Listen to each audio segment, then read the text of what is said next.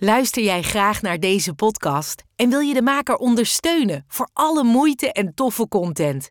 Geef dan, als je wat kan missen, een digitale fooi. Dat doe je via d.com zonder abonnement of het achterlaten van privégegevens. Dus fooiepot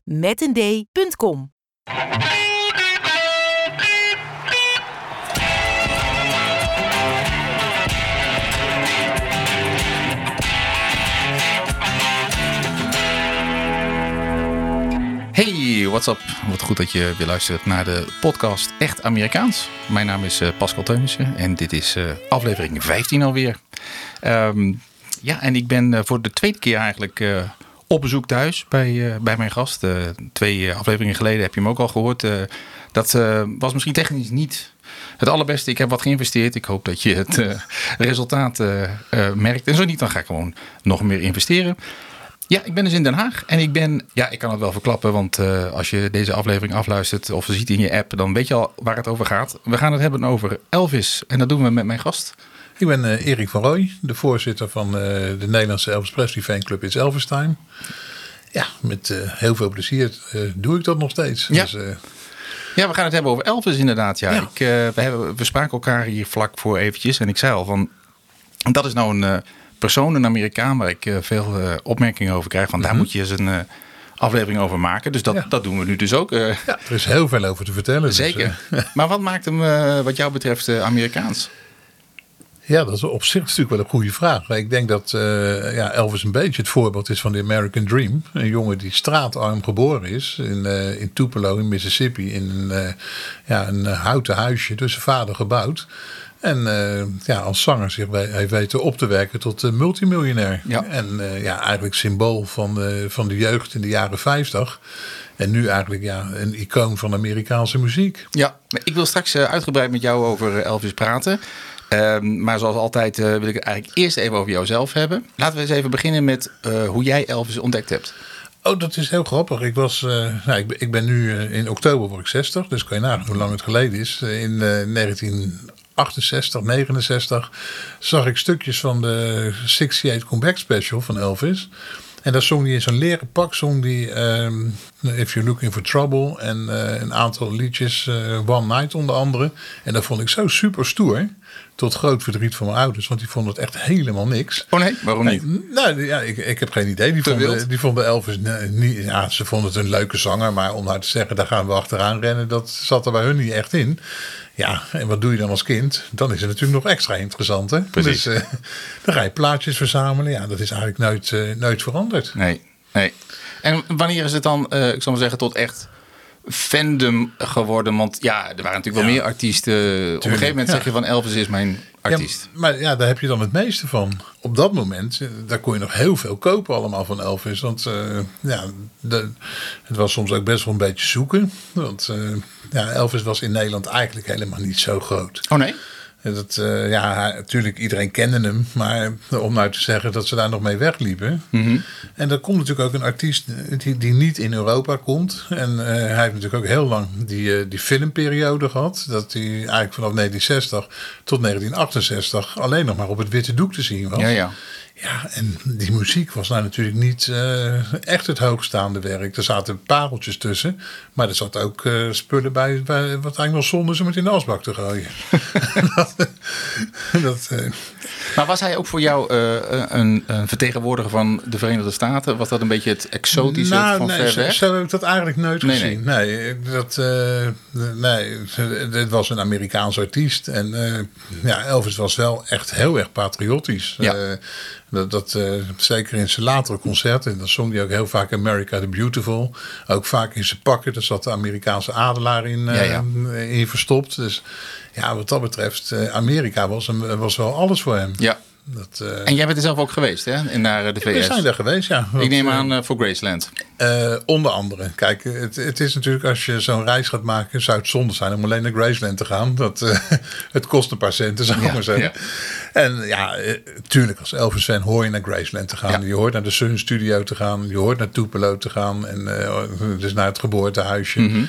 Ja, dat, dat is eigenlijk echt wel een onderdeel van de legende. En het, ja. is, het is heel raar als je, als je in Graceland rondloopt. Ja, dan denk je nou eh, nog even kijken, want hij zal zo wel thuiskomen. Want, eh, Oh ja, het, want? ziet, nou, het ziet er gewoon eigenlijk nog helemaal uit als, eh, als hoe Elvis daar gewoond heeft. Althans, dat maken ze ons wijs dan natuurlijk. Ja, ja. Maar, maar het ziet er gewoon keurig netjes uit als echt als een woning. Ja. En dat is... ja, dat, dat is heel, heel bizar. Als je Ja. weet wat daar natuurlijk allemaal gebeurd is. Hoe Elvis daar geleefd heeft met zijn met zijn Memphis Mafia. Dus de vrienden die om hem heen zaten, die, die werden zo genoemd, de Memphis Mafia. Ja. Ja, dat is daar allemaal gebeurd. En dat ken je uit de verhalen. En dan is het eigenlijk een beetje onwerkelijk als je daar zo dan echt rondloopt. Ja, ja. En, eh, ja. en het is klein. Want je zou denken, het is een gigantisch pand. Nou ja, het is wel iets groter als waar ik woon hoor. Dat, eh, dat, dat dan weer wel. Ja. Maar eh, het is nou niet dat je zegt van jeetje, wat een paleis. Ja, ja. Dat, eh, dat valt je had meer van Elvis verwacht. Ja, ik, ik weet het eigenlijk niet. Aan de andere kant, Elvis was natuurlijk ook, voor- juist omdat hij zo arm opgegroeid is, ook Mhm. ergens nog best wel bescheiden. Ja, hij was rijk en dat was genoeg. Ja, ja. Weet je, de- hij, hoefde niet. ja, natuurlijk deed hij hele extravagante dingen, maar dat, dat heeft hem weer een beetje de oorzaak dat hij eigenlijk nooit het, het normale leven gekend heeft. Eerst was het echte armoe en Ja. dan daarna was het pure rijkdom en Ja. er zat niks tussenin. Ja. Kijk, als wij nu ineens een paar miljoen zouden krijgen, zouden we nog redelijk met ons leven door kunnen gaan. Want je, ja, je weet een beetje hoe, hoe, het alles, hoe alles in elkaar steekt. Mhm. Maar ja, bij hem was dat ook niet meer. En op het moment dat hij die miljoenen kreeg, zat hij in een gouden kooi. Hij, hij kon zich nergens meer vertonen. Overal eh, ja, werden nou, letterlijk de kleren van zijn lijf gescheurd. De- zijn auto werd kapot gemaakt omdat mensen daar stukjes van wilden hebben. Dan, Ja. ga, je, dan ga je op een gegeven moment van zoveel gekke dingen doen. Ja. Wie waren er trouwens nog meer eh, toen jij daar was? Eh, Wie bezoeken zijn, zijn voormalige huis? Eh, Zijn dat allemaal eh, Europeanen? Zijn dat Amerikanen? Uit de hele wereld. Ja, echt. Je, je, kan zo gek niet bedenken of je komt het uit tegen. Dat, dat is eigenlijk ook wel het mooie. Dat, dat één zo'n man eigenlijk de, de hele wereld bij elkaar kan brengen. Ja. Ik bedoel, er staan daar op een gegeven moment bij de Candlelight Vigil. Dat is de dag eh, voordat Elvis overlijdt. Mhm. Eh, dan, dan gaan mensen met kaarsjes langs zijn graf lopen. Nou, er staan nog 15.000 mensen daar. Nou, gooi er een voetbal tussen en het wordt knokken. Maar zet de muziek van Elvis aan en ze praten met elkaar. Ja, ja.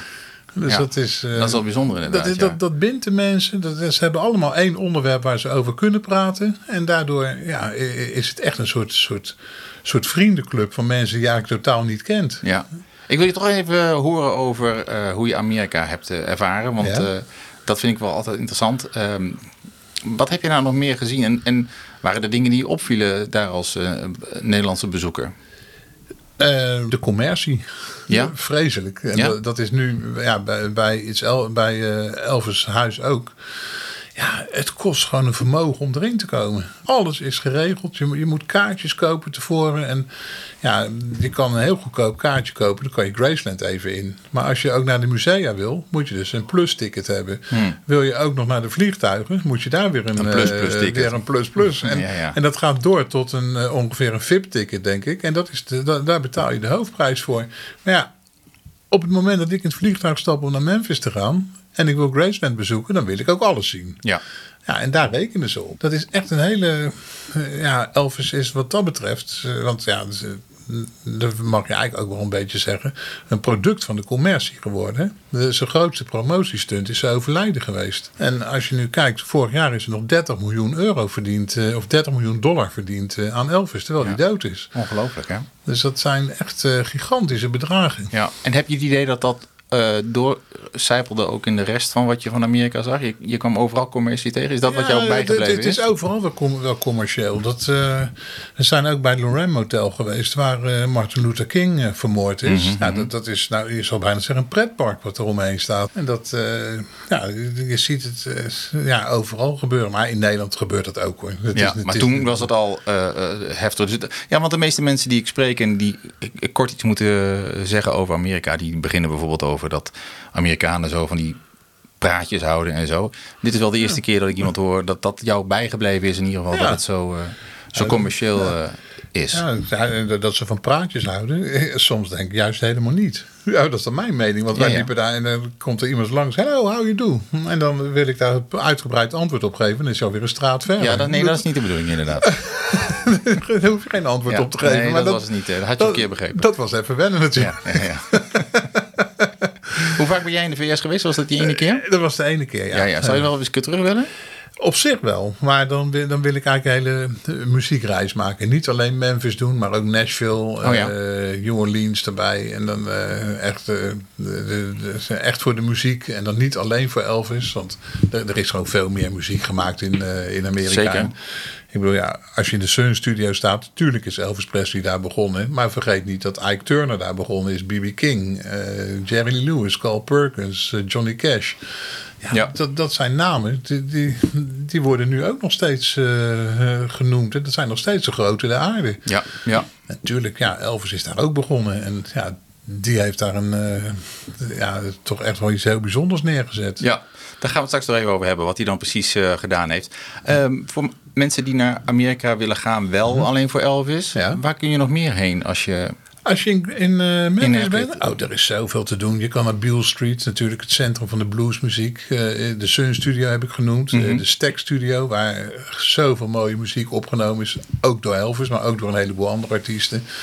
Ja, het Lorem Motel, waar Martin Luther King eh, doodgeschoten is. Maar als ik het specifiek over Elvis, eh, dus zeg maar zeggen, in de, in de voetsporen van Elvis zou willen Ja. gaan, zijn er nog plekken eh, waarvan je zegt van nou, daar heeft Elvis iets bijzonders gedaan of daar heeft hij, kun je gaan kijken. Ja, kijk, eh, het- natuurlijk eh, het geboortehuisje. Dat, is, Ja. eh, dat, dat is, vind ik eigenlijk indrukwekkender dan Graceland. Eh, twee houten kamertjes. Eh, we- we- ze hebben het een beetje ingericht als hoe het er in 1935, eh, toen Elvis geboren werd, uitgezien moeten hebben. Ja, ja.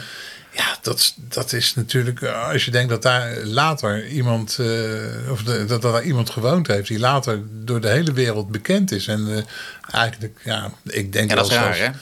ja, want ik, ik denk ook dat hij door iedereen wel geliefd is. Ik kan me haast niet voorstellen dat er mensen zijn die Elvis niet leuk vinden. Want dat kan je dan wel zeggen als voorzitter van de fanclub natuurlijk. Maar Je bent enig- enigszins biased, inderdaad. ja, Ja. precies. Maar Elvis heeft zoveel verschillende soorten muziek gemaakt dat Ja. er voor iedereen wel iets in zit. Ja. Eh, Ik bedoel, hou je niet van de, van de rock and roll, dan ga je naar de bluesmuziek. Hou je daar niet van, kan je naar de countrymuziek. Vind je dat niet leuk? Heb je de groeners muziek. Vind je dat niet leuk? Is er de gospelmuziek. En dan heb je de, zijn filmhits nog. Dus er is zoveel verschillende soorten muziek waar, waar Elvis mee bezig is geweest. Er is voor iedereen wel wat te vinden. En ja, je ziet het nu ook dat heel veel van die muziek eh geremixed wordt. En eh, ja, door allerlei eh, house, house DJ's enzovoorts. En daarmee komt de jeugd weer op, eh, op Elvis terecht. En Ja. ik denk, ik wil toch het origineel een keer horen. Ja, en dat, dat is het leuke wat je nu nog steeds dan ook in Elvis ziet. Dat het daardoor eh, nou, gewoon interessant blijft. Dus ja, om op je vraag terug te komen. Wat zou je moeten doen? Begin in Tupelo. Kijk eerst hoe hij daar in de armhoek gezeten heeft. Kijk ook naar het kerkje waar hij eh, als jongen gezongen heeft. En ja, natuurlijk, er zit weer, wel weer iets van commercie bij. Er er is een, een heuvel die uitkijkt op Tupelo. Er staat een heel groot bord dat Elvis daar speelde als kind. Ja, Kijk, dat willen we zien. dat, dat is leuk om te zien. Maar dan denk ik, ja, het was toen gewoon een jongetje. Ja. Er, er waren zoveel jongetjes die daar speelden. En dan wordt er voor hem een bordje neergezet dat hij daar speelde. Geweldig. Ik heb trouwens, eh, voordat ik hier aan begon, eh, Ja. ja, nog even gekeken. En eh, die bordjes, eh, daar, daar zijn er wel meer van, hè? Van, Ja. van die plakettes door het land. En de mooiste vond ik, die is in, ik weet niet goed, maar er is ergens een bordje langs de weg waar Elvis blijkbaar een keer eh, een, een gevecht heeft. Eh, Oh. stopgezet heeft, zal ik maar Ja. zeggen. Hij zag mensen Klopt. vechten en toen heeft hij ingegrepen. Ja, bij een benzinestation was Ja. dat. Ja, dat klopt. Dat was in 1976. Sprong hij in één keer uit zijn auto. En toen ging hij dat oplossen. Ja. Maar Elvis was ook hulpsheriff hè, van Memphis. Oh. Dus hij, hij was helemaal gek op de politie. En hij eh, probeerde ook altijd uh, politie-insignes te krijgen. Of eh, speciale opdrachten. Hij is zelfs een keer, zonder dat iedereen het wist... is hij naar president Nixon gegaan... En daar heeft hij eh, gevraagd of hij eh, special agent kon worden voor, de, voor de drugsbestrijding. Daar ging die film over, toch? er is een film over Ja, gemaakt ja, ja. ook. Ja. Dat is echt een heel bizar moment. Dat, ja, ja, eh, ja. Maar het feit dat dat overal in de VS gewoon de... Oh, Elvis heeft hier geprobeerd een vechtpartij te stoppen. Oh, ja, hoor. Plaketten, partij. Ja. dat vind ik erg leuk. Oké, Erik, we gaan zo even verder naar, naar deze onderbreking. Erik, eh, normaal gesproken zou ik jou eh, op de, dit punt van de podcast vragen waar het uh, over gaat. Jouw echt Amerikaanse onderwerp. Maar dat is duidelijk. We, gaan het, we blijven het hebben over Elvis. Ik wil toch even nog terug. Want jij uh, zei van ja op een gegeven moment had ik het meeste van Elvis. Maar ja, in jouw hele leven komen natuurlijk veel artiesten voorbij. Uh, het is toch altijd Elvis uh, gebleven. Wat maakt Elvis dan toch zo bijzonder? Is hij wat jou betreft de beroemdste Amerikaanse, misschien wereldwijd de beroemdste artiest ooit? Um, nou, dat, dat zou ik zo nog niet eens zeggen. Elvis is gewoon, ja, hij heeft zoveel verschillende muziekstijlen. dat je voor iedere, eh, voor iedere stemming die je hebt. kan je wel wat vinden. Tot en met kerstplaten toen nog. Ja, dat hoort er ook bij natuurlijk. Maar ja, of hij de grootste is. Ik, ik, hij, hij is gewoon een van de, van, van, de grote zangers die Amerika heeft voortgebracht. Mm -hmm. en, ja, uh, Elvis drijft natuurlijk op het eiland van, van de zwarte muziek. Ja. Dat, uh, ja, ik weet niet of je dat zo mag zeggen altijd. Maar ja, Amerika was natuurlijk uh, in de jaren 50. er stond een muur tussen de, de witte mensen en de zwarte mensen. Zeker. En ik, ik blijf het ook gewoon zo even noemen. Dat, dat, dat maakt het het makkelijkste. Mm -hmm. Maar het was in die tijd not dan dat zwarte mensen bij de witte mensen kwamen voor de muziek. En de witte mensen kwamen niet bij de zwarte mensen. Alleen Elvis, hij woonde tussen de zwarte mensen in. En, in Tupelo. In Tupelo. En mm -hmm. later in Memphis ook nog zelfs. Hoor. Hij was, het gezin Presley was op een gegeven moment het enige witte gezin in een hele, in een hele zwarte buurt. Maar voor hem was de muziek de muziek die de zwarte mensen maakten. Mm -hmm. En Elvis probeerde uh, ja, hij, hij, wist niet eens dat er andere muziek was. Dat, dat was muziek. Zo ja. deed je dat. Ja.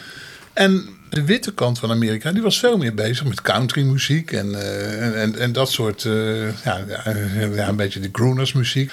Wat, wat toen in de jaren 40, 50 was. En dat hoorde Elvis dan ook nog wel. Maar toen hij op een gegeven moment zelf wilde gaan zingen, toen kwam hij in die Sun Studio terecht. En dat was ja, ook weer in de zwarte wijk van Memphis. En daar zat uh, Sam Phillips, de, de eigenaar daarvan. Die was eigenlijk op zoek naar een blanke jongen die de zwarte muziek kon gaan brengen. Ja, ja. En dat kwam omdat Sam Phillips, die had heel veel zwarte artiesten in zijn stal. En hij kon die muziek wel kwijt aan de zwarte kant van, de, van, van Memphis. En aan de witte kant raakte hij dat niet kwijt. Terwijl die muziek hartstikke goed was. Ja. Dus hij zocht eigenlijk iemand die. Dus in plaats van te pushen dat die zwarte artiesten toch geaccepteerd werden ja, aan de witte kant, dacht ja. ik, ik ga een witte artiest. Ja, maar, maar, het was niet eens dat, dat hij het anders wilde. Er stond een wet boven. Oh. Er, er was een segregatiewet, noemden ze dat. Ja, ja. En dat, die verboden het gewoon. Die wet maakte uit dat er een, nou, een Berlijnse muur stond tussen blank of tussen wit en zwart. Mm -hmm. En toen uh, Elvis, uh, gewoon voor de lol eigenlijk, en dat was nog niet eens in de Sun Studio, maar de Sun Studio had ook een uh, Memphis Recording Service. Dat was een, ja, dat, dat zat wel in de Sun Studio, maar daar kon iedereen voor, voor een paar dollar een plaatje opnemen. Ja. En Elvis is daar toen geweest en heeft daar een plaatje opgenomen. Het verhaal gaat voor zijn moeder, dat het een cadeautje was voor zijn moeder en voor de verjaardag. Nou, dat geloof ik niet, want Elvis was echt een moederskindje en het plaatje nam hij drie maanden na, na de verjaardag op.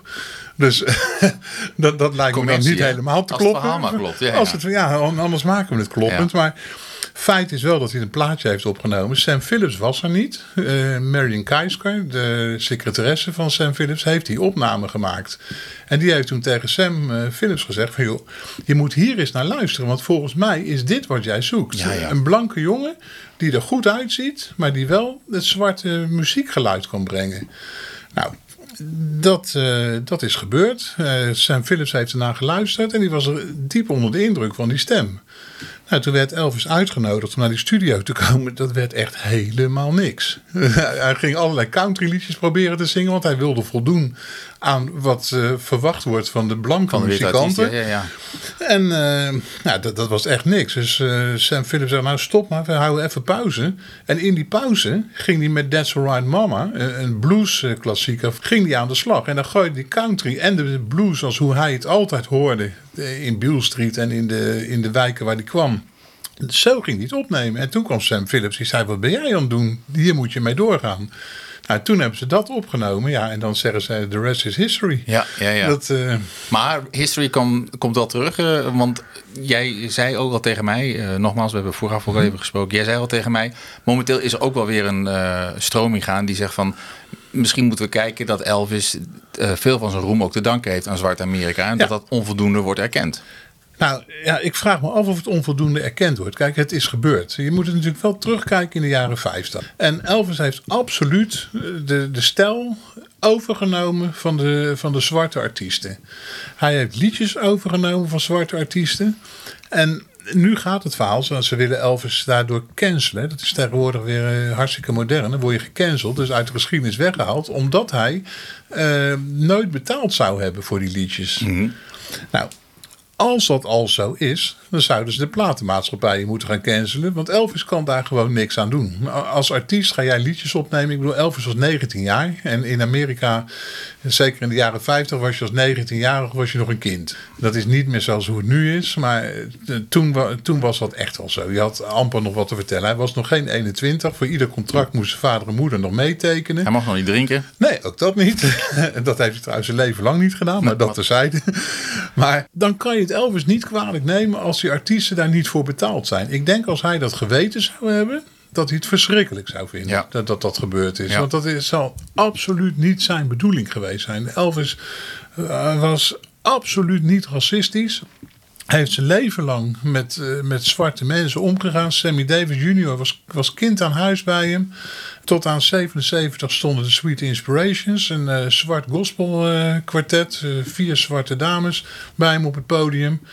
Hij heeft daar nooit en te nimmer. Elvis was wat dat betreft kleurenblind. Ja. En je vindt ook dat het niet zozeer, zijn, niet zozeer van hem kwam, maar meer van de platenmaatschappij. Als Ja, al naar, eh, als het nummer echt gestolen zou zijn, dan hoort een platenmaatschappij de royalties Ja. te betalen. Maar Ja. daar hoeft een artiest zich niet mee bezig te houden. Daar heeft hij zijn management voor en daar heeft hij de A&R-managers van de, van de platenmaatschappijen ja, voor. ja. Nou, dat, eh, dat is het wat er nu speelt. Eh, misschien dat we daar nog eens keer weer eh, op een later punt op terugkomen. Ik wil even met jou mee terug naar Elvis die doorbreekt als wereldartiest. Hè? Ja. Wat is het dat ja, fans in andere landen aanspreekt dat zij ook graag toch naar Elvis luisteren? Ik Ja. bedoel, lang niet elke Amerikaanse artiest breekt natuurlijk door. Hè? De, Nee, maar toen Elvis doorbrak, was het eigenlijk ja, de juiste man op het juiste moment. Eh, en ja, ik bedoel, de muziek was truttig hè, in Amerika in het begin van de jaren 50. Dat, eh, lekkere, gezellige muziek toch, of niet? Ja, Eh, dat, dat- absoluut. Ja. Maar voor de jeugd was er niks meer om zich tegen af te zetten. Mhm. de, de muziek gleed lekker, kabbelde lekker door allemaal. En ja, toen kwam Elvis op een gegeven moment. Ja, een knul die er goed uitzag. Hartstikke jong. Dus de jeugd kon zich daarmee mee, eh, eh, verenigen. Die, die, die zag daar een voorbeeld in. De ouders begonnen al gelijk van, eh, van nou, dit is, een- dit is een rotherrie. Dat, eh, dat moet je niet draaien. Nou, dat sterkt het ook nog een keer. Toen kwamen de kerken eroverheen. Die begonnen te roepen dat eh, Elvis aan ging zetten tot jeugdcriminaliteit. En dat het eh, vulgair was enzovoorts. Nou, wat dat betreft is de jeugd niet veranderd. Want het is nu ook nog. Als je Nee, zegt dat je het niet moet doen, dan gaan Nou, ze het doen. ja, precies. En dat, dat, dat was toen in Amerika ook. Ja. En, ja, Maar Amerika werd denk ik ook wel eh, gezien als... eh, het was natuurlijk een, een wereldmacht. De invloed van Amerika nam natuurlijk toe. Dus Ja, hij was zeker. ook wat dat betreft op, op de goede plek en op Ja. de goede tijd. Hè? Ja. ja. Dus ja, in Amerika gaf het een aardverschuiving. Ja, en hier heeft het even iets langer geduurd. Het druppelde natuurlijk wel langzaam door via Radio Luxemburg. Dat was, dat was de eerste die begon met Elvis plaatjes te draaien. Maar daar moest je dan wel naar luisteren natuurlijk. Ja, ja. En ja, als dat eh, op een gegeven moment eh, werd het hier in, in Europa ook bekend. Onder andere de Tielman Brothers. Die hebben, die hebben eigenlijk eh, Nederland kennis laten maken met Elvis. De Tielman Brothers gingen Elvis liedjes spelen op het podium. ja. En de- ja, dat noemen ze dan Indo-rock. Nou, en die Tielman die riep altijd, ik vind het verschrikkelijk dat ze zeggen eh, eh, Indo-rock. Want wij zijn gewoon rockers uit Indonesië. Dat is iets anders. ja. Als- het is geen muziekstijl, Indo-rock. Het is gewoon Amerikaanse rock'n'roll. Alleen Ja. In Indonesië liepen ze daar ver op voor. Ja. ja. Waarom is het trouwens in Nederland niet eerder en sneller gegaan? Want eh, iedereen weet nu, Tom Parker is natuurlijk een, eh, Een Nederlander. een Nederlander. Eh, Dries van Kuik. ja, precies. Waarom, eh, waarom is dat niet eh, gewoon een, een, een, een sneller 1-2'tje geweest tussen Amerika en... eh, Ja, of, of was hij daar niet op gericht? Dacht hij van, ja, ja, Nee, Tom Parker was gewoon gericht op, eh, op snel geld verdienen. Ja, ja, en veel. ja, weet je, misschien, misschien hebben de mensen de, de film gezien die, die nu draait. En, Dat is trouwens niet de aanleiding van dat ik jou nu uitnodig. Maar inderdaad, de film. Laten we dat heel snel even doen. Heb je hem gezien? Ja, ik heb hem gezien. Goed of niet? Ik vind hem geweldig. Moeten we kijken? Absoluut. Oké.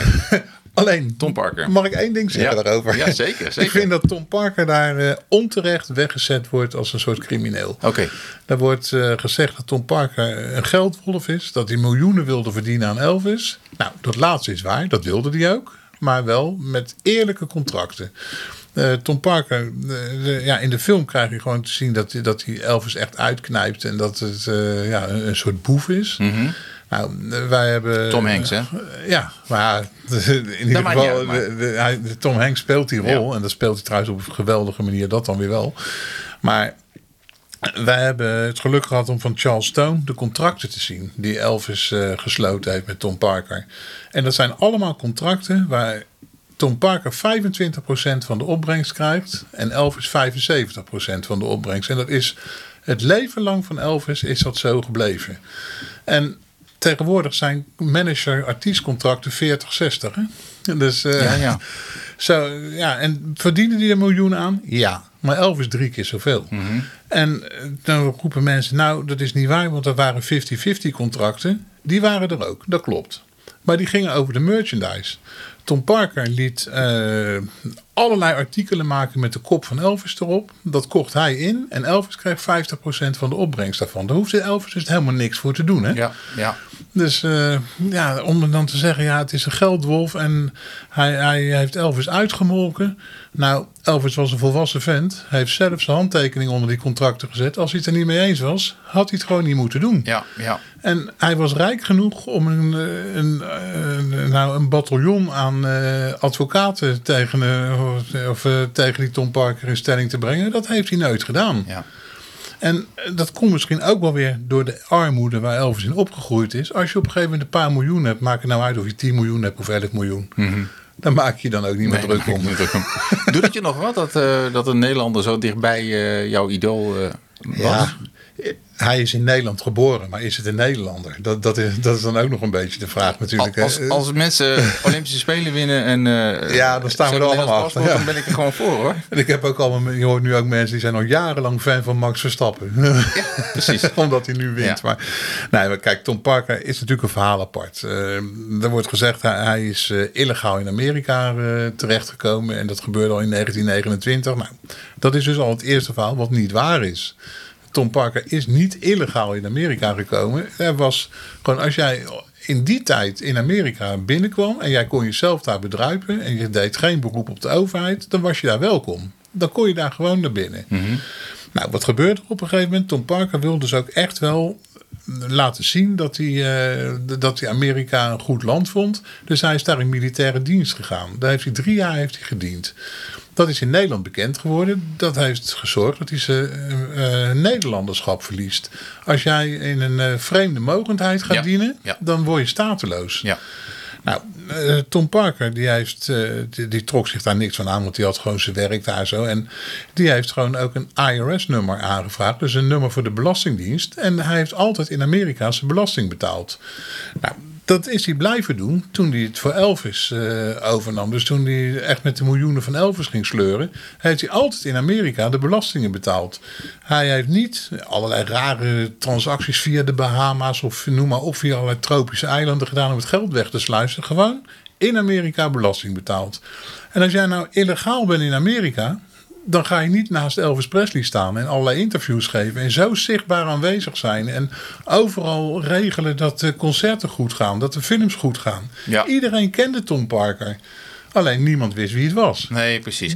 Maar moeten wij daar als Nederlanders eh, trots op zijn? Moet hij hier, heeft hij hier een, eh, moet, hij, moet hij hier een plaquette krijgen? Hij heeft een plaquette Kijk, dat dacht ik in, al. in, in Breda, in de stad waar hij geboren is. Ja. Eh, althans, ja, het huis staat er niet meer, maar er is wel een plaquette op de plek waar het ongeveer gestaan moet hebben. Als Dus ja, eerbetoon. Ja, maar dat, dat verdient hij ook. Ja, oké. En ja, dat het een Nederlander is, ja, eh, oké, daar mogen we ook best wel trots op zijn. Natuurlijk, eh, het is onze Dries die dat gedaan heeft. Zo is het. Toch een eh, artiest begeleid die, iedereen, die iedereen kent Ja, in ieder geval. absoluut. Erik, we gaan weer even tussenuit weer. Erik, eh, mijn echt Amerikaanse eh, onderwerp dat gaat over eh, Elvis is, ehm, daar heb ik zoals altijd weer even over na moeten denken, is dat hij ehm, iets gedaan heeft dat heet volgens mij Artist Residency of zo. Ik weet niet exact wat, het, uh, wat de naam is. Ik zou het even op moeten zoeken. Maar wat het is, is dat hij in Las Vegas heeft hij uh, een heel groot aantal optredens gegeven. Mm -hmm. Een groot aantal concerten. En dat ja. is een een Vegas ding. Ik ben er zelf ook wel uh, een paar keer geweest. En als je daar dan landt, dan zie je die grote posters uh, hangen. En dan staan er artiesten op. Uh, Celine Dion, noem maar even een grote Mhm. naam. Of Mariah Carey of ja. zo. En als je heel goed bent, dan mag je daar... in plaats van dat je door het hele land moet zeulen met je concert en zo. Dan kun je gewoon elke dag of elke week of wanneer dan ook optreden op dezelfde plek. En jij woont dan in een hotel. Ja. En dat is een beetje in Las Vegas ontstaan. Volgens mij is dat ook met de crooners en zo begonnen. Ja. Wat betekende die fase voor Elvis? En kun je me even vertellen wat hij precies in Las Vegas gedaan heeft? Toen Elvis uh, klaar was met die filmperiode, dus tot uh, 1969 heeft hij films opgenomen. En toen wilde hij op een gegeven moment eigenlijk weer toch wel terug naar het publiek. En uh, toen heeft Tom Parker, daar hebben we hem weer, die heeft toen een contract afgesloten met het Las Vegas Hilton Hotel. Mm -hmm. En daar had je een, uh, twee festivals, waar Elvis dus gewoon een paar maanden achter elkaar, soms drie avonden of drie concerten per dag uh, gaf. Ja, Later concert werd, werd residency. Ik moest het even opzoeken, ja. maar het heet concert residency, excuus. Ja. Nou, en dat, uh, dat heeft Elvis vanaf 69 tot aan uh, 76 heeft het gedaan. Dus een jaar voor zijn dood is hij daarmee gestopt. Maar ja, dat was voor Elvis was dat eigenlijk, ja, het was heel makkelijk geld verdienen. Hij kreeg daar echt fors betaald. Ja. Dus Tom Parker ook weer. En hij hoefde niet te toeren natuurlijk. En hij hoefde niet te toeren. De mensen kwamen allemaal naar hem toe. Hij woonde helemaal boven in het, uh, in het hotel. Dus hij heeft daar uh, echt uh, ja, geweldig ja, expansie gehad natuurlijk. Want hij, de, hij hoefde de wereld niet over. De wereld kwam naar hem toe. Precies, ja. En ja, de Nederlandse fanclub, wij zijn daar ook... ja, ik dan niet, maar onze fanclub is daar wel diverse keren geweest. Tot en met het laatste concert hebben ze ook gezien. Dus... Oh, maar uh, dat is een hele aparte periode geweest voor, uh, voor Elvis. Om, uh, ja, om daar toch uh, ja, in de vaste zaal te staan. Hij noemde het ook, ja, het was Las Vegas Hilton. Later is het International geworden. Tegenwoordig heet het weer anders. Maar hij noemde het ook altijd Freaky International. Hij vond, hij, vond het, hij vond het groot, hij vond het eng. Het was, uh, het was het grootste hotel van Las Vegas op ja, dat ja. moment. Hè. En er schijnen allerlei engeltjes aan de muur gehangen te hebben. Oh, ja. die, die, vond hij ook allemaal heel eng. En dat heeft hij nog eens een keer uh, op een avond heeft hij ze allemaal zwart geschilderd, die engeltjes. Om ze weg te krijgen. Ja, zo'n beetje. Ja, dan zag hij ze niet meer als hij op het podium stond. Dus, uh, bizar, bizar. Hey, um, hij heeft natuurlijk veel indruk gemaakt met zijn muziek. Uh, hij heeft gespeeld in, in, in films. Uh, diverse films, ja, slechts wat, 33. 33, ja. ja. wat wat vind, je, vind je hem een acteur ook? Of deed hij dat erbij? Nou, de grootste wens van Elvis was acteur worden. Ja, ja. Hij wilde eigenlijk helemaal niet Je kunt veel wensen, worden. maar is, ja. hij dat, is hij dat ook geworden in Nee, ik, ik, vind het niet. Nee. nee. Ik denk, uh, voordat hij militaire dienst ging, heeft hij vier films opgenomen. Love Me Tender, Loving You, uh, King Creole en Jailhouse Rock. Ik denk dat dat echt zijn beste films geweest zijn. Mm -hmm. En dan daarna, ja, hij noemde het zelf eigenlijk ook hetzelfde verhaal op een ander eiland uh, met een nieuwe bikinibroekje aan. Ja, ja. En, uh, ja, maar dat gebeurt vaak, dat gebeurt nu ook. Al die films worden ja. allemaal geremade. En, uh, ja. Kijk, je moet die films natuurlijk ook een beetje terugzien in de tijd. Het is een beetje de voorloper geweest van de videoclip. Ja. er werden dertien liedjes werden op een rij gezet. En er zat een slap verhaaltje omheen. ja, Elvis, die als een soort zanger ergens weer, uh, weer rondloopt. Ja. Ja, een paar knappe meiden eromheen, knokpartijtje erbij, uh, snelle auto. En het is, je hebt weer een verhaal. Heel goed. maar je hebt dus de muziek, je hebt zijn uh, films. Ja. Dat is waar je naar kan luisteren en kijken. Maar daarnaast uh, is natuurlijk, je noemde het zelf net ook al, heel veel uh, memorabilia gemaakt ook. Ja. Of uh, hè, je kunt heel veel ja. spullen kopen. je kunt in, weer in Vegas kun je, volgens mij mag er niet meer, maar kon je getrouwd worden door mensen die verkleed waren als ja. Elvis. Ja, dat, dat Elvis mag is ook na zijn dood, is hij, zal maar zeggen. maar dat, dat is die commerciële machine. Kijk, de commercie begon al toen in 1954, toen Tom Parker het overnam. Dat hij de manager werd van Elvis. Je ziet het ook in die film. En dat is, dat, dat verhaal is ook echt gewoon waar gebeurd. Hij heeft toen buttons laten maken met I Love Elvis erop. Maar hij heeft ook buttons laten maken met I Hate Elvis. En dat maakte dus niet uit. Ja, ja. Want hij verdiende dat. Dus aan beide kanten verdienden ze daaraan. En uh, zo, zo, is dat eigenlijk altijd geweest. Er was, ja. Uh, ja, Elvis werd, werd, een beetje een product. En dat is het eigenlijk nog steeds. Ja, maar daarmee heeft hij toch wel ook een plek veroverd in Amerikaanse Ja, zeker. eh, beeld, zal ik Ja, maar zeggen. eh, Het komt door de muziek. Het komt ook door de, door de achtergrond van de man. Dat hij, dat hij eh, ja, van, vanuit de totale armoede zich heeft weten op te werken. Maar ook wat hij met die rijkdom gedaan heeft. En dat is eigenlijk na zijn dood is dat nog veel meer bekend geworden. Kijk, iedereen kent wel de verhalen dat Elvis weer een Cadillac weggaf aan iemand die toevallig voor een winkelruit stond te kijken. Dat zijn dingen die allemaal gebeurden. Maar Elvis gaf ook per jaar aan heel veel goede doelen gaf hij geld. En in het contract stond dat ze daar niet over mochten praten van wie ze dat gekregen hadden. Dat moest geheim blijven. Nee, ja. Want hij wilde niet dat iedereen dat zomaar wist. En dat, Maar dat was eh, geen belastingtruc. dat was geen belastingtruc. Nee, want dat werd ook allemaal netjes eh, afgedragen. Ja. Alles werkte, werkte daarmee. En ja, dat, dat zie je zo'n man ook. Dat, dat is, eh, kijk, Elvis was een super gelovig persoon. Dat, eh, dat zie je ook wel aan de gospelmuziek die hij die, die heeft opgenomen. Terwijl die, ja, iedereen kent hem als king of rock and roll. Nou, tel nou eens de rock and roll liedjes die Elvis gemaakt heeft. Dat zijn er helemaal niet zo heel veel. Dus dat is ook een, eh, een sterk staaltje eh, commercie dus. Ja. Als je dat eh, hem zo weet te verkopen. En, Elvis had daar altijd een bloedhekel aan. Als ze zeiden van eh you're the king, dan zei hij er is maar één king en dat is Jezus. Oh ja. Dat, dat was altijd zijn, zijn, zijn antwoord als mensen hem de king noemden. Dat, Ja. dat wilde hij helemaal niet. Wat is dan, denk jij, zijn nalatenschap voor Amerika? Ik denk de saamhorigheid in de muziek. laten zien dat alles mogelijk is. Proberen een goed leven te, te leiden. Maar aan de andere kant denk ik ook een waarschuwing van eh, dat je wel hele sterke schouders moet hebben om die roem te kunnen dragen. Ja, ja, En dat had Elvis niet. nee. Wil je nog over zijn einde hebben? Wat, eh, wat is er gebeurd? Wil je de, de Ja. mysteries rond zijn wel of niet overlijden? Jij zei al, als hij nog leefde, dan is hij al dood. Ja, als hij nu Ja. nog geleefd had, was hij wel dood geweest. Maar Wat vind je van dat soort verhalen? Die, eh, dat Elvis nog leeft. ja, nou ja, geval dat daar zo'n... Ja, kijk, vlak na zijn dood eh, we- werd Elvis overal gezien. En dan kwamen ze, Precies. kijk, hij, hij leeft nog. En, kijk, ik kan me 100% voorstellen dat die man er op een gegeven moment echt zo de balen van had. Ja.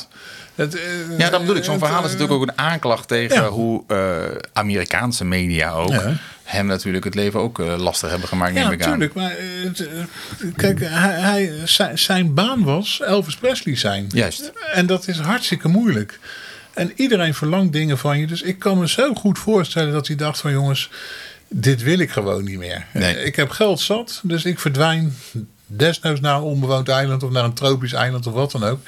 En dan komen er allemaal mensen die dan foto's gemaakt hebben van kijk eens, Elvis leeft nog. Er is een krant erbij, dat je kan zien eh, welke datum het is. En dan loopt Elvis daar. Nou, als ik Elvis geweest zou zijn en ik zou er tussenuit gestapt zijn en ik heb zoveel geld, is het eerste wat ik doe zorgen dat ik niet meer op Elvis lijk. Nee, inderdaad. Want vanaf de Noordpool tot de. Zuidpool kennen ze die kop. Dus die ga je toch eerst veranderen. Dan ga je er toch niet met, je, met die kop die je dan een paar dagen ervoor op het podium gehad hebt, dan eh, nog lekker op een eiland ergens nee, zitten. nee, dat is zo. Dus eh, dat, dat, dat maakt het voor mij wel ongeloofwaardig. En daarbuiten, nou, ik heb het al vaker gezegd, Elvis was zo gelovig, die zal daar niet mee spotten. Nee, nee, Dat doet hij niet. nee, nee, nee. Ehm, Dus, eh, Elvis, hoe lang denk je dat hij nog relevant is? Want Ja. je zegt net zelf ook, eh, hij komt nu weer terug. Hè? Eh, De film is gemaakt, Ja. Mhm. zijn sterfdag is net nog weer herdacht. Ja. Zijn muziek wordt weer geremixed met nieuwe muziek erbij. Een aantal jaar geleden was er die enorme hit nog weer. Ik ben, eh, Little Less ja, Conversation. van eh, Junkie XL. ja. Of JXL. Hè? Junkie mocht niet. Dat weet ik niet, maar eh, Ja. ik wil maar zeggen, dat blijft ook weer steeds terugkomen. Denk je dat dat uiteindelijk toch eindig is? Of hoe Ja. zie je dat? Hoe, hoe zie jij de aandacht voor Kijk, Elvis? Als ik heel eerlijk ben, toen Elvis in, in 77 overleed, toen dacht ik, nou, dan hebben we de fanclub nog een jaar of tien en dan is het er afgelopen. Mhm. Maar dat is niet zo. En wat er nou precies aan de hand is, ik heb geen idee. Maar we krijgen wekelijks krijgen we er nog leden bij. Ja. En dan denk ik, ja, je hebt internet, dus mensen kunnen, kunnen alles opzoeken. Wij geven vier keer per jaar een ja, hartstikke mooi glossy magazine uit. Hoe heet mooie het? foto- het heet It's Elvis Time. There you go. En dat, eh, nou, daar abonneren mensen zich op. Die willen een boekje in de handen hebben met achtergrondverhalen, met eh, mooie foto's erin enzovoorts. En dat, nou, dat, eh, dat loopt nog als een trein. Ja, En ja. ja. wanneer houdt het dan op? Ja, geen idee. ik weet het niet. Dus. Heel goed. Ik, als laatste vraag. Stel nou voor dat eh, mijn kinderen weten niet wie Elvis is. Ja. Dat is nou eenmaal zo. Dat hoef je niet voor te stellen. Dat is Nee. gewoon zo. Ja. Ze zijn ook nog maar eh, ze- eh, 9 en 11. Ja. Stel je voor dat jij graag wil dat zij wel in aanraking komen met Elvis. Mhm. Ja. Wat raad je ze aan? Hoe moet je Elvis leren kennen? Ik denk gewoon eerst eens gewoon de greatest hits gaan luisteren. Mhm. En dan, eh Wat is zijn beste nummer? ja, weet jij, er zijn er 700 Weet niet, ja. gemaakt. Ja, als ik het aan iemand moet vragen, dan ben jij het. Nee, ik durf het niet te zeggen wat zijn Nou, beste nummer is. Dan krijg je boze brieven. Nou, nee, helemaal niet. Nee, want, maar je, zie- je ziet het binnen, binnen onze fanclub ook. Je hebt mensen die lopen weg met, eh, met de muziek die hij in de jaren 50 gemaakt heeft. Maar andere mensen moeten er helemaal niks van hebben. Die hebben veel liever de muziek van de jaren 70. Andere mensen vinden die filmmuziek geweldig. En andere mensen die vinden eigenlijk alleen zijn gospelmuziek leuk. Juist. Ja, zeg het maar wat het beste is. Ja, dus dat is ook zijn kracht natuurlijk dan. Dat- dus je begint met de greatest hits. Ja, en Ja. dan ga je vanzelf eh, ga je ontdekken wat er allemaal nog eh, van, op, El, op Elvis gebied te vinden is. Nou, pak gewoon, eh, hoe heet dat, Spotify. Ja, ja, En, precies. En dan, daar, daar kan je mooi eens mee beginnen. En dan ik zal het eens doen. Dus even kijken hoe ze... daar staat ontzettend veel op. En ja, ja, er zijn zoveel verschillende Elvis eigenlijk. Dat, eh, Ja. dat, dat er niet een antwoord te geven is op, eh, op zijn beste nummer. Nee, Dat, nee, dat begrijp ik wel. Heb jij eh, zelf als Elvis nagedaan, of niet? nee. Nee? Nee, ik zal Samen leeg zingen, denk ik. Dat, mensen echt de laatste ronde nog blijven hangen, dan mag jij eh, dat, dat, mag, ik nog een keer. Nee, dat, eh, Geen karaoke? Geen... eh, Nee. Nou, hm. Nee, dat, wat, wat, daar- wat mij betreft is er gewoon één Elvis. En ja, vanuit de fanclub hebben we natuurlijk met onze meetings hebben we mensen die de muziek van Elvis brengen. Maar ik probeer het ook altijd wel een beetje te zoeken in mensen die met hun eigen stem en eigenlijk op hun eigen performance Elvis brengen in plaats van hem na gaan aan doen. ja, ja. Ja, want dat gebeurt natuurlijk ook nog steeds. Hè? Dat gebeurt nog steeds. Dat, Ja. dat, het heeft zelfs een officiële naam. Dat zijn de ETA's, de Elvis Tribute Artists. Kijk, En ik noem ze altijd de man in witte pakken. ja, Dat, zeker, zeker. Ja, daarom, daarom eh, is het denk ik ook wel... Hè, de, de- ik, heb, ik ken een aantal mensen in mijn directe omgeving... Dat van jong tot oud, die zijn ook nog steeds fan daarvan. En eh, wat ik zeg, Elvis, van stickers tot Tja. magneetjes tot platen. Het alles, is er allemaal Het is er nog. allemaal nog, inderdaad. Ja. En dat is toch wel enigszins verrassend. dat, dat is de commerciële kant er nog steeds van. Hè? ja, En, ja. ja. Maar hij redt het niet als hij niet iets levert wat mensen aanspreekt, toch? Ja, maar kijk, er wordt natuurlijk heel weinig nieuws gemaakt. Hè? Dat, Ja. Hoewel, ja, er, zijn natuurlijk nog ontzettend veel bootlegs die allemaal uitkomen. Dus illegale persingen van platen. Met eh live concerten die nooit eerder uitgebracht zijn. Ja. En ja, ieder snippertje van, eh, van- van Elvis wordt nog eh, op de markt gebracht. En Ja. ja. het is het uitknijpen van de, niet eens het uitknijpen van een citroen. Het is een totale citroenboom. Want eh, als de ene citroen uitgeknepen is, vinden ze er nog wel eentje ernaast Ja, hangen. ja. Dat, Maar dat is het mooiste wat jij hebt van Elvis. Ja, ik zeg eigenlijk altijd maar de herinnering aan al zijn Ah. muziek. Dat, kijk, spullen zijn spullen. En Ja. ik kan wel zeggen, dit vind ik heel erg mooi om te hebben. En ja, iemand anders die, ziet dat dan toch niet. Nee, of nee. ja, dat, dat zijn gevoelswaardes. Maar ik denk, ja, dat zijn muziek, dat, dat, dat is eigenlijk eh, het cadeau wat Elvis aan de mensheid gegeven heeft. Heel mooi. Erik, dankjewel. Dankjewel dat je wilde praten over Elvis, over eh, zijn muziek, zijn films. En eh, zijn, zijn, zijn rol nog steeds, zijn belang nog steeds voor Amerika, maar ook voor Nederland, voor andere Absoluut. delen van de wereld. Ehm, dus Erik, eh, ontzettend bedankt voor je tijd. Heel graag gedaan. Jij ook heel erg bedankt. En zo zijn we aangekomen bij het laatste deel van deze aflevering alweer. En we blijven nog even praten over Elvis. En dat gaan we doen met een Amerikaanse fan. En haar naam is Ella. Maar voordat ik eh, met haar ga praten, wil ik jullie er nog even op wijzen dat er dit keer prijzen zijn te winnen. Jazeker, er is een soort klein Elvis pakketje te winnen. Dat is eh, beschikbaar gesteld door de fanclub It's Elvis Time. En dat pakketje bestaat uit eh, wat videobanden en posters. Dus als je daar kans op wil maken, Stuur me dan gewoon even een e-mailtje met daarin het woord Elvis. En dat kan naar podcastechtAmerikaans.gmail.com. Oké, dan is het nu tijd voor eh, onze Amerikaanse gast. Ella, thank you so much for being on the podcast. Thank you. It's nice to be here with you today. Yeah, uh, before we start uh, talking a little bit about Elvis from the American perspective, as it were, uh, could you maybe introduce yourself? Sure, I'd be happy to. So, my name is Ella. I live in New York City. I am married with two kids who are teenagers. They are 13 and 15. And I would say that we are a rock and roll music loving family. So uh, Elvis is uh, definitely then the man to uh, talk about because he's called the king of uh, rock and roll. Yes. Um, could you tell me a little bit uh, about your relationship to Elvis? Uh, you told me that you were not a super crazy fan, so that probably means you didn't have a Elvis themed wedding, or uh, you are, will not be dressed up as Elvis uh, this coming Halloween. Um, but what is what does Elvis mean to you, uh, like as a musician, but also as a as a figure? Sure. Uh, so I would say, as much as I would have loved to have had an Elvis wedding, I don't think my husband would have gone for that, nor the rest of my extended family. But um, I should say that I am an immigrant to the, to the, United States. I emigrated here when I was a young child. I was six years old from the former Soviet Union. Right. And I have always been a music fan. You know, I live for rock and roll, as we like to say. And when I think about music and my musical influences, it all goes back down to Elvis. So you are correct. I'm not a super fan.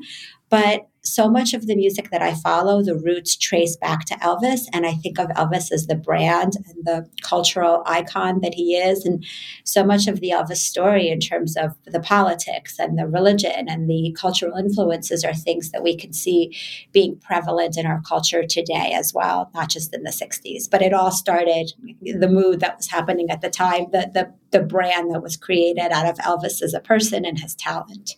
Right. So, what do you think his brand is? Could you put that in a few words? Like, what what is what is his role?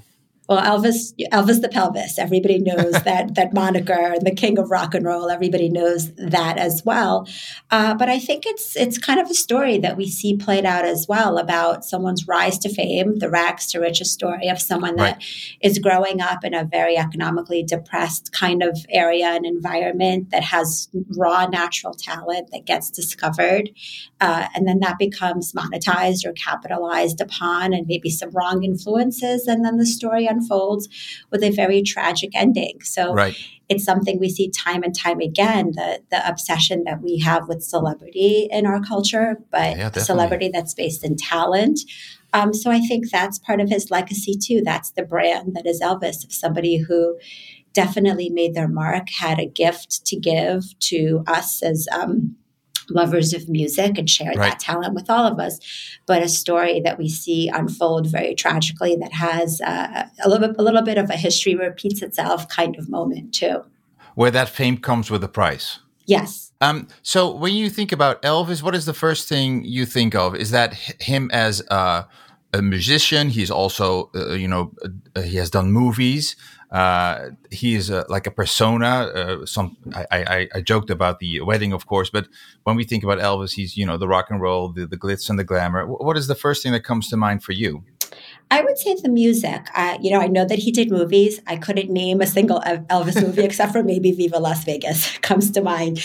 But I, I'm someone that grew up. You know, his claim to fame, his uh, was before I was born for the most part. I was right. born in 1973.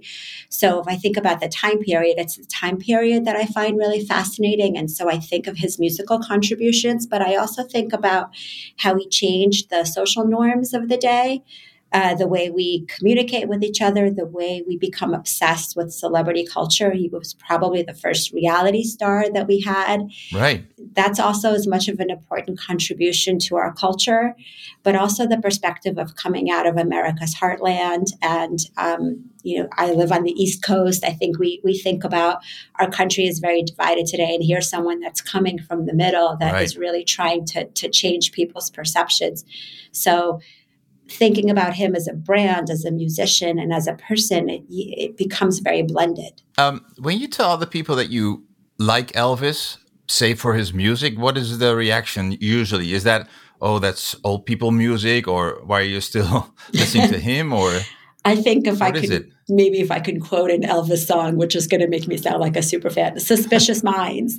Uh, people are suspicious. You know, why Elvis? And I mean, again, I trace so much of rock and roll. He's not the person that coined the term rock and roll, but he's the king of it. He's the first person to take that kind of music. And a, a, lot of it has to do with the historical aspect of him being a white musician, but singing gospel and rhythm and blues and music that I associate with more African American, black right. types of artists, and bringing it into the fold and, and, you know, putting that out there for public consumption. So uh, there's a legacy there too. When you say legacy, what do you think the current idea about Elvis is uh, my Dutch guest said that he felt like uh, it is very much uh, Elvis is capitalized on. Uh, people are trying to make money off of his name, off of his face. Uh, is he still the musician, or is he more of a cash cow? I think it's both. I know there was the movie that came out this summer, right. the Baz Luhrmann movie, but I think that movie was 50% the Elvis story and 50% the story of his manager. So it was an interesting perspective. It was not a biopic in the classical sense, although it gave a historical perspective. It touched very loosely on some of the key elements of his life because it right. really told the perspective from the Tom Hanks character, from you know the the guy who was swindled by the people that he put in charge, combination of his manager and probably his father. Uh, but I think well, so the, to the conversation about legacy, I, I think it's the music. And I think even my kids today who are 13 and 15, they're familiar with the music. They know right. Hound Dog. They know the classic love songs that are told from that perspective. They may right. not have the historical context as much, but they understand the the physical persona, they the costumes and the the people that are impersonating him, and it becomes yes.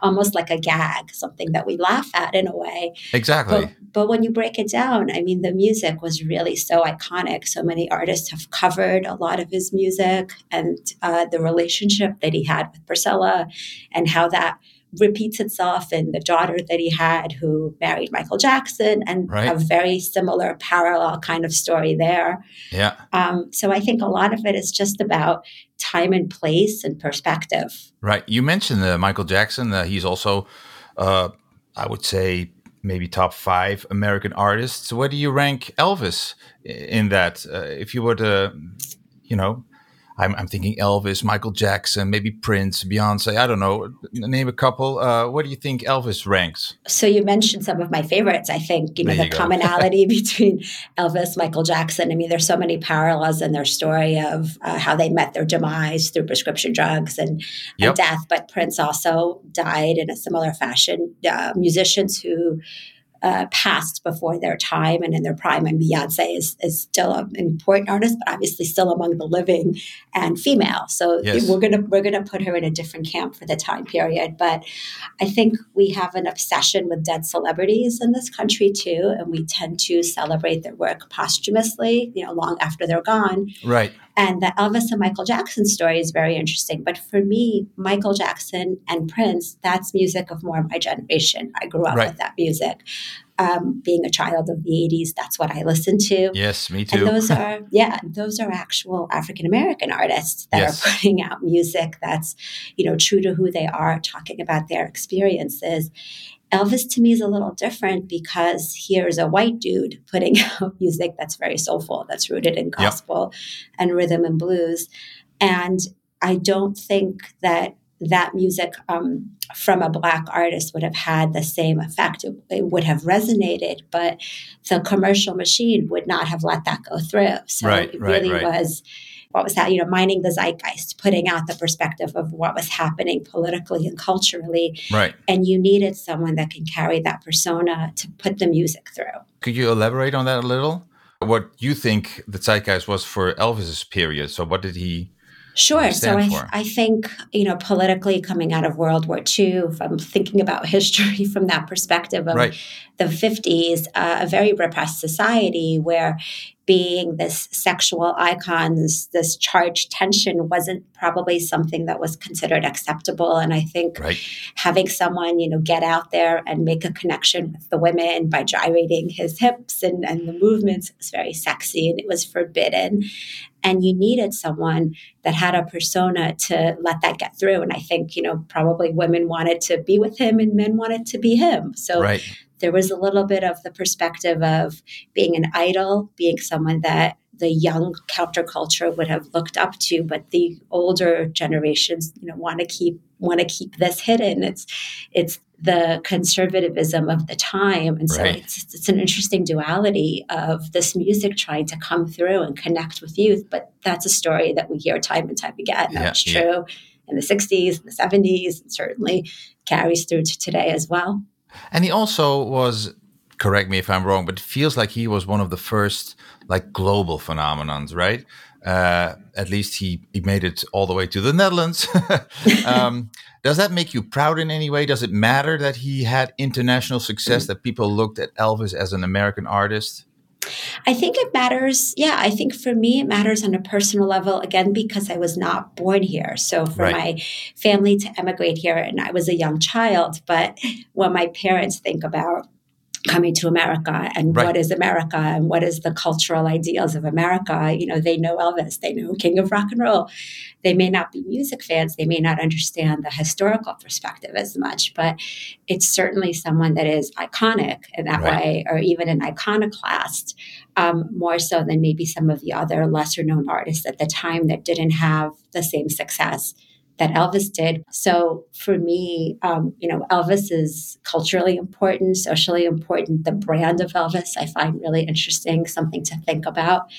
Uh, did you go and watch the movie? I did. I saw it fairly recently. I didn't see it when What's it first came out. So I saw it on a plane, and I think it's a perfect plane movie. Um, it's an interesting story to tell, and I like the perspective again of it being told not as a biopic, but dramatized from the perspective of his manager. Uh, to your question too about him being an international phenomenon, the the piece that I thought was so interesting that I didn't know was that one of the reasons that he couldn't really tour internationally was because his manager didn't have a passport. And I found that behind the, the story, the way it was unfolding, really interesting. I'm not a huge fan of Baz Luhrmann's work in general. I think it's a little over the top. It's a little maudlin. I hated Moulin Rouge, and I saw it on Broadway, and I right. thought, eh, it's the same thing. But I also saw the Elvis musical when it was on Broadway years ago. Yeah. So I think I think it was called Cry Baby, and I think the the movie, the the Baz Luhrmann movie, is really interesting telling of the story because it talks about the other characters in his life. Right. Again, dramatized, but uh, the perspective of his family and his upbringing and you know how he got to be who he is i think they could have done a lot more about the priscilla piece and the birth of their daughter but again it's not meant to be a biopic so were you surprised that decades after his death, uh, one of these movies still comes out? I mean, it's uh, about a.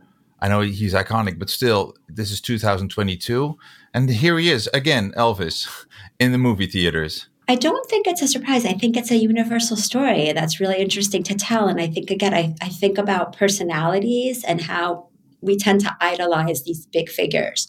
Right. And we tend to go through movements, you know, this idea that history repeats itself. We go through cultural shifts and movements. And so here's a person that has a story to tell about the time period and their relationship to it and how the fame was self destructive for them. Um, we certainly have an opioid crisis that's happening in our country yes, now. And here's yes. someone that took prescription drugs that he probably thought were okay because the doctors were telling him this right. is okay to manage issues, whether it was uh, for sleep deprivation or whether it was to manage his changing body and the fact that he had put on some weight, not knowing the dangers of all of that. So it's an important story to tell if you think about it from that context as well of a person who takes their fame and you think they have everything handed to them and how he really self destructs. Yeah. So there are uh, lessons uh, uh, to be learned too. I mean, it's like sure. you said, the tale is all this time. Uh, yeah, the, the yeah, it is. Uh, epidemic is big now, but uh, yeah. There's more to the story that could have been told from the perspective of, you know, race and sexuality right. and how someone who's a working class hero makes their mark on society it could have gone in that direction too. But again, I don't think that was the story that Baz Luhrmann is, was interested in telling. It really was the story about someone taking advantage, the, the people that were the, the machine behind the machine taking advantage of him. Gotcha. Uh, uh, do you have a favorite uh, song? Favorite Elvis song? So, favorite Elvis song? It's a good question. I really like Suspicious Minds. I think that's such a beautiful song and it's been covered really interesting. Yes. But maybe because I'm a little bit more of a romantic, I think you know "Can't Help Falling in Love" is is a great number. Um, I think about his relationship with Priscilla, which you know is another really interesting story to tell. So that's also a song that's been covered. It's uh, sort of the the words of it are a timeless story. So there's something really interesting to that perspective. So I'm probably torn between Suspicious Minds and um, Can't Help Falling in Love. Well, that's good. That's good. Maybe for uh, any younger listeners uh, trying to, you know, get to know a little bit more about Elvis, that's a good way to start uh, listening to, I think uh, so. those songs. I think so. Yep. Yeah. Ella, thank you so much uh, for uh, giving us a little insight on um, on your uh, opinion on um, on Elvis, but also the way uh, the United States is, uh, is, is you know treating that story. And it's uh, like I said, it's still in the movie theaters even in 2022. So thank Yeah. you. I'm going to say goodbye to you. I'm going to say goodbye to my listeners. That'll be in Dutch. Thanks so much for for being on the podcast. Thank you for your time. It's my pleasure. Thank you. En iedereen eh, bedankt weer voor het luisteren. En dan wil ik uiteraard nog even Marco Raaphorst bedanken voor de geluidsbewerking. En Jeroen Venema die het lied schreef bij deze podcast. Oké, we zijn er volgende keer weer met een heel ander onderwerp. Wat dat is, eh, ik kan alleen maar zeggen dat het te maken heeft met handvaardigheid. En meer zeg ik er niet over. Het enige wat ik nog kan zeggen is, keep listening. Dag.